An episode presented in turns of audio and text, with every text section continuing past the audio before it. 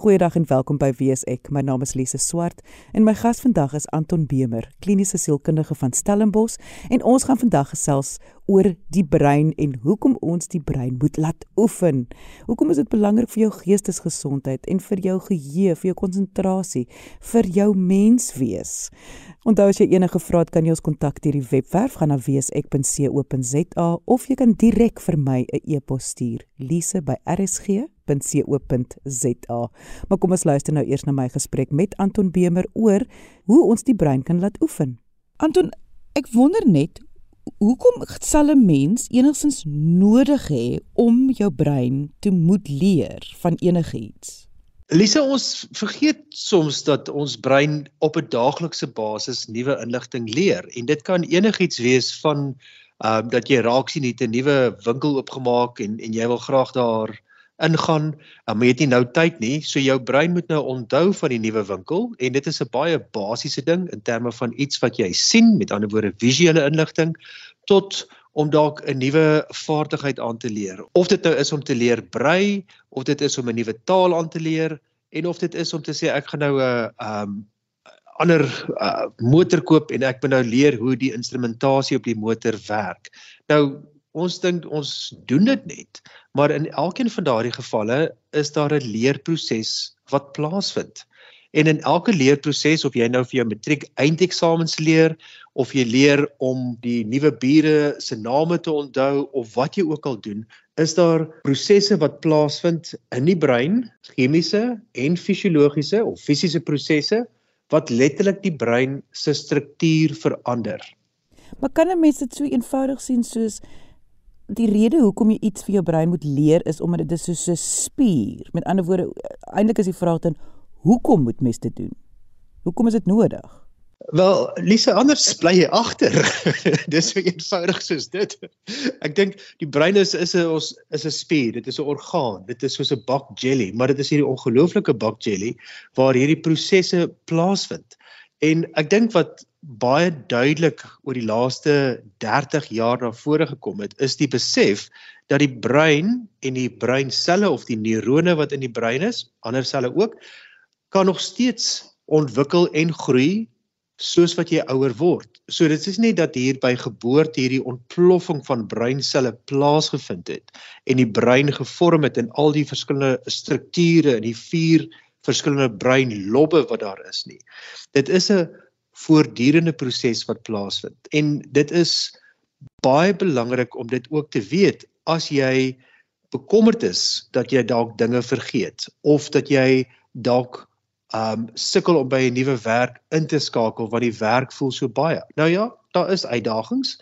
Um die werk is soms baie, daar is 'n nuwe kliënt met wie jy moet werk wat dalk baie moeilik is en dit is juist die leerproses wat ons in staat stel om daardie werk te bowe te kom of hierdie nuwe kliënt op 'n manier te benader wat dit baie meer kom ons sê vreedsaam mag maak, diplomaties mag maak.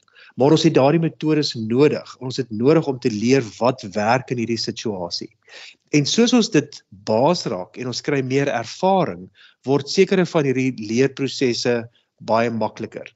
Dan aan die ander kant is daar sekere dinge wat vir ons bang maak of bekommerd maak en dit maak hierdie leerprosesse moeiliker. So angs is iets wat leer verhoed, depressie is iets wat leer verhoed en ons het nodig om te kyk wat is dit wat vir ons in staat stel om nuwe inligting aan te leer of sekere vaardighede te verbeter deur te leer en wat is die dinge wat ons kan terugsit.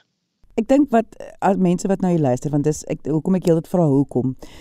Baie mense wonder, goed nou gesels ons oor hoe leer jy jou brein, maar hoekom moet ons hieroor gesels? En dan juis wat jy nou sê. Jou brein wanneer hy leer om hy kan hy kan vaardighede aanleer om nie net eh, soos jy nou sê by die werk in te skakel of 'n nuwe beroep aan te pak nie, maar jy kan ook jou brein leer om te werk met nuwe vaardighede om jou geestesgesondheid aan te pak. En ek dink dis baie keer wanneer ons ons sit nie altyd daai 2 en 2 bymekaar nie. Nee, en en ek dink dit is juis waar dit gaan daaroor om sekere dinge te oefen, sekere vaardighede te oefen om seker te maak ons spandeer genoeg tyd nie alleen in ons fisiese gesondheid nie, maar ook in ons geestesgesondheid. En ek sien so baie mense wat sê ek het nooit geleer hoe om na myself te kyk nie of ek weet nie hoe om lief te wees vir myself nie. Nou dis 'n vaardigheid wat jy moet aanleer. Dit is nie iets wat jy meer ingebore is nie en toe jy die huis verlaat het, het jou ouers nie vir jou 'n boekie gegee om te sê hierdie is nou die maniere hoe jy moet lief wees vir jouself nie. Dit is dinge wat ons oor tyd aanleer en ons maak baie foute in die proses. Nou die goeie nuus is ten minste jou brein kan nog steeds hierdie vaardighede aanleer. Jy moet jou brein net oopmaak en beskikbaar maak vir ervarings en geleenthede waar jy kan sien o, hierdie is eintlik iets wat baie goed is vir my. Hierdie is iets wat ek geniet. Hierdie lig my gemoed of hierdie verminder my angs.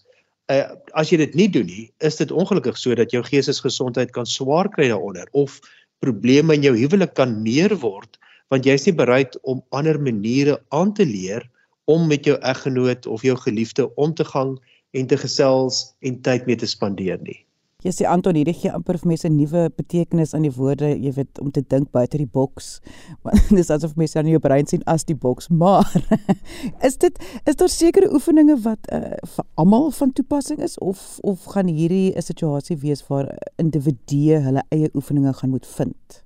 Wel, kom ek gee gou 'n tree terug Lise voor ek by daai vraag kom. En ek dink twee woorde wat baie belangrik is is uh die plastisiteit van die brein. Met ander woorde, dit beteken die brein se vermoë om aan te pas as daar 'n besering is of as daar 'n probleem is dat ons nuwe breinnetwerke en patrone kan vorm om 'n sekere taak aan te pak aan die een kant en die ander woord is ek gaan maar sê neurogenesis soos die woord genesis en neuro voor dit neurogenesis Dit is met ander woorde die brein se vermoë om nuwe inligting te verwerk en dit te 'n kode daarop te sit en dit te stoor in die brein en dit dan ook weer te kan gebruik. Nou hierdie proses van neurogenesis is geweldig belangrik want weer eens as jy leer vir jou matriek eindeksamens op die oomblik, as jy leer om 'n motor te bestuur, dan is dit die inoefen van sekere vaardighede wat daardie inligting laat vas lê. En tussen die breinselle of die neurons is daar wat ons noem 'n sinaps, so dis 'n opening en met tyd word hier meer en meer inligting in daardie spesifieke vaardigheid vasgelê aan die ander kant. So dit versterk met ander woorde hierdie brein spiere om dit om baie eenvoudig te stel. En soos jy dit meer oefen en die belangrike woord doen, die dinge wat jy doen, is dit asof daardie brein areas dan sterker word, daardie verbindings word sterker. En dit maak dat daardie inligting nie alleen in daardie oomblikke um, goed vasgelê word nie. As jy dit dan oor die langtermyn oefen, dan word dit nie alleen sterk nie, maar dit word op die langtermyn behou ook.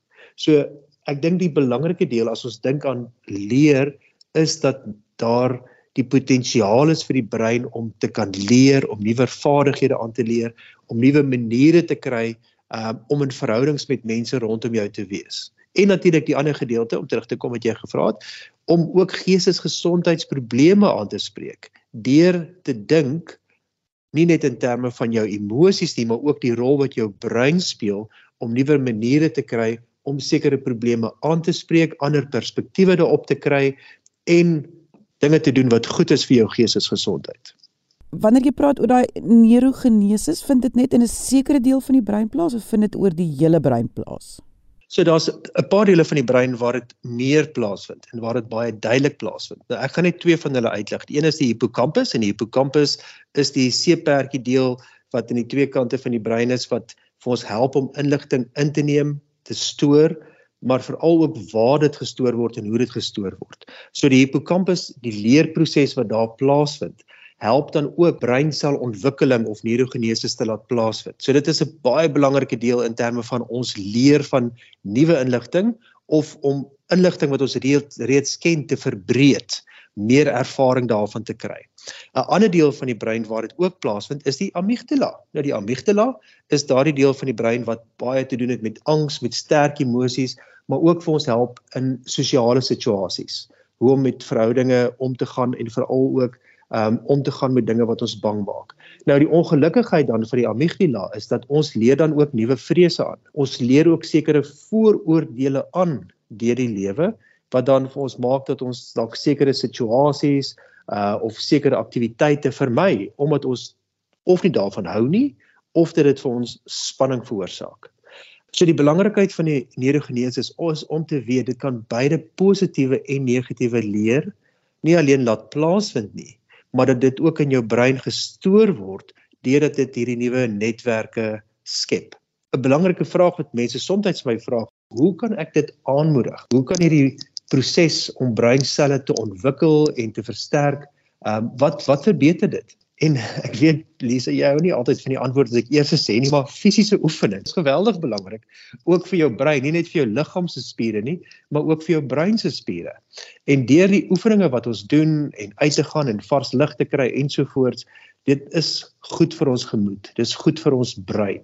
Dan om stimulasie te kry vir jou brein om na goeie musiek te luister, om na goeie gesprekke te luister of daaraan deel te neem om dinge te doen wat vir jou voel, "Sjoe, hierdie is nogal iets wat ek regtig van hou." Dit gee nogal vir my net 'n goeie gevoel, daardie breinstimulasie. As mense soms vra, "Weet jy wat kan my brein op die lang termyn help?" of as ek byvoorbeeld um so goed as wat ek kan wil probeer verhoed om iets te ontwikkel soos Alzheimer se siekte, so 'n vorm van demensie. Leer 'n nuwe taal aan. Leer om 'n musiekinstrument te speel. Dit kry vir jou iets wat vir jou uitdaag en en volg dit na. Daardie tipe vaardighede is dinge wat op die langtermyn um baie voordele inhou ten opsigte van jou brein se gesondheid. Meditasie is nog iets wat baie hoog op daai lys is en ek dink 'n groot deel van meditasie is ook die rustigheid wat daarmee saamgaan dat mens voel jy skakel net af van die wêreld en van bekommernisse rondom jou. Interessant genoeg iets wat volgende op die lys is, is seksuele aktiwiteit. Ehm um, so as as jy voel dit is iets wat jy baie fokus op, dan is dit natuurlik iets wat baie goed is, maar ook dan antidepressante. En die rede daarvoor is dat dit sê dat die probleem met depressie is dit verhoed ons vermoë om te leer. So antidepressante medikasie wat goed is ten opsigte van jou emosionele welsyn kan ook help in terme van leerproses. So ons lewe in 'n wêreld waar baie fokus geplaas word op konsentrasieprobleme en medikasie wat moet help vir konsentrasie. Dit is net so belangrik om probleme aan te spreek wat jou gemoed afbring of angs veroorsaak, want dit verhoed jou ook in jou leerproses van nuwe vaardighede en ook om jou skills in watter aard dit ook al mag wees te opgradeer.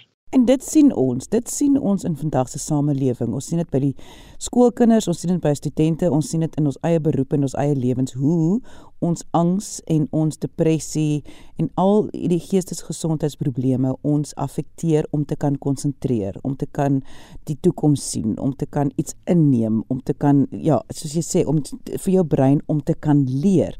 Is daar ander goeters wat ook jou brein verhoed om te kan leer of bietjie kelder? Kyk, ek ek sien gereeld mense wat uh, vertel hulle het al van skool daar af aandagafleibaarheid of disleksia.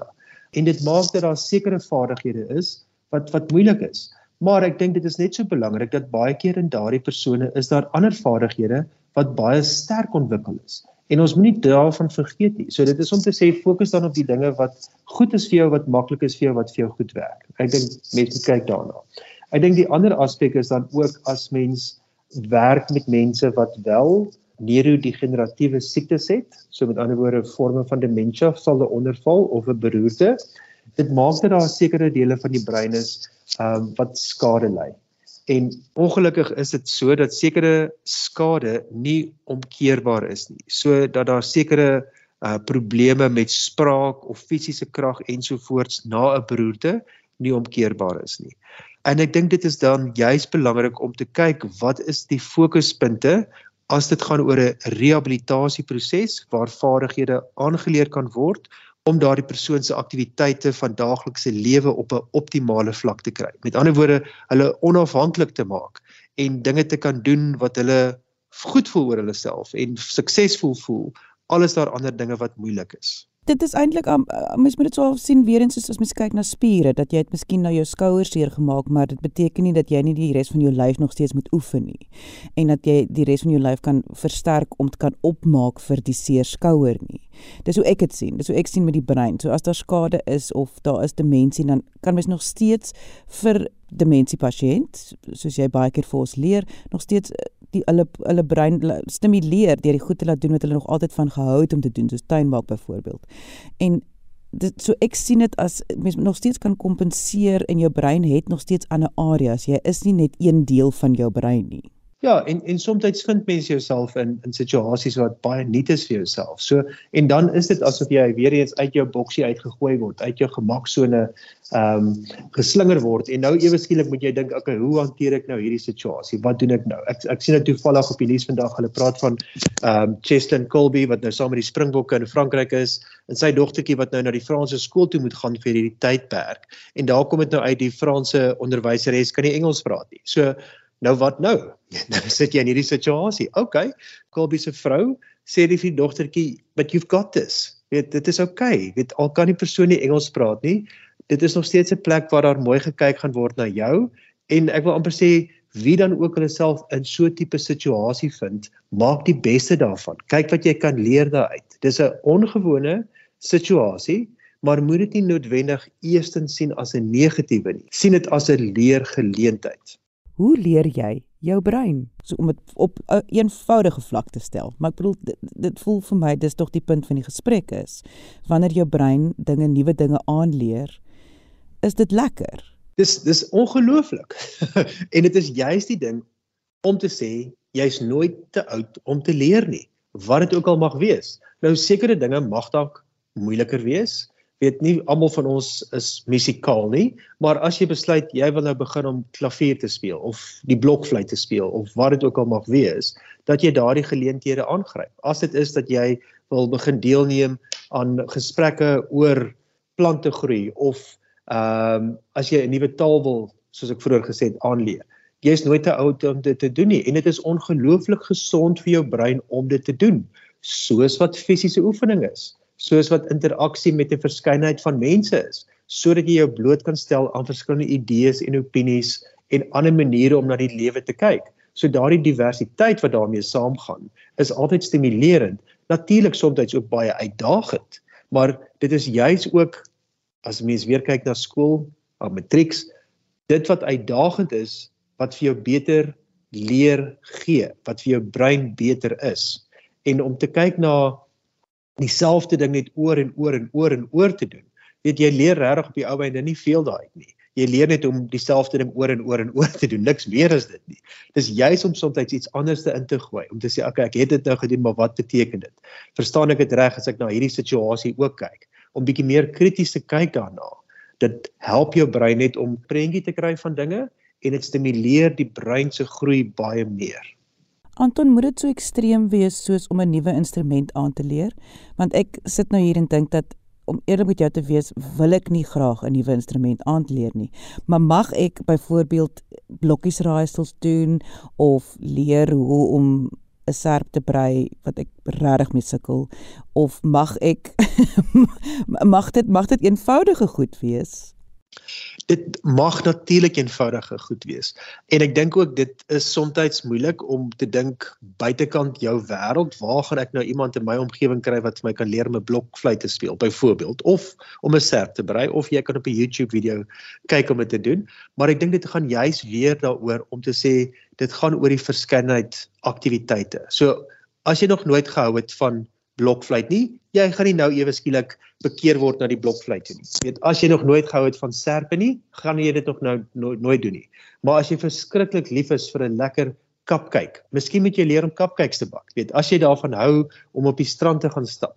OK, dit is wonderlik, maar miskien is dit ook goed om dan te kyk na al die ehm um, verskillende plante groei of seelewe in daai area en te leer wat is die name daarvan. So net om dit 'n bietjie wyeer te maak, dit wat jy reeds geniet om te sê hoe brei ek daardie kennis uit? Hoe stel ek myself bloot aan 'n bietjie meer as dit?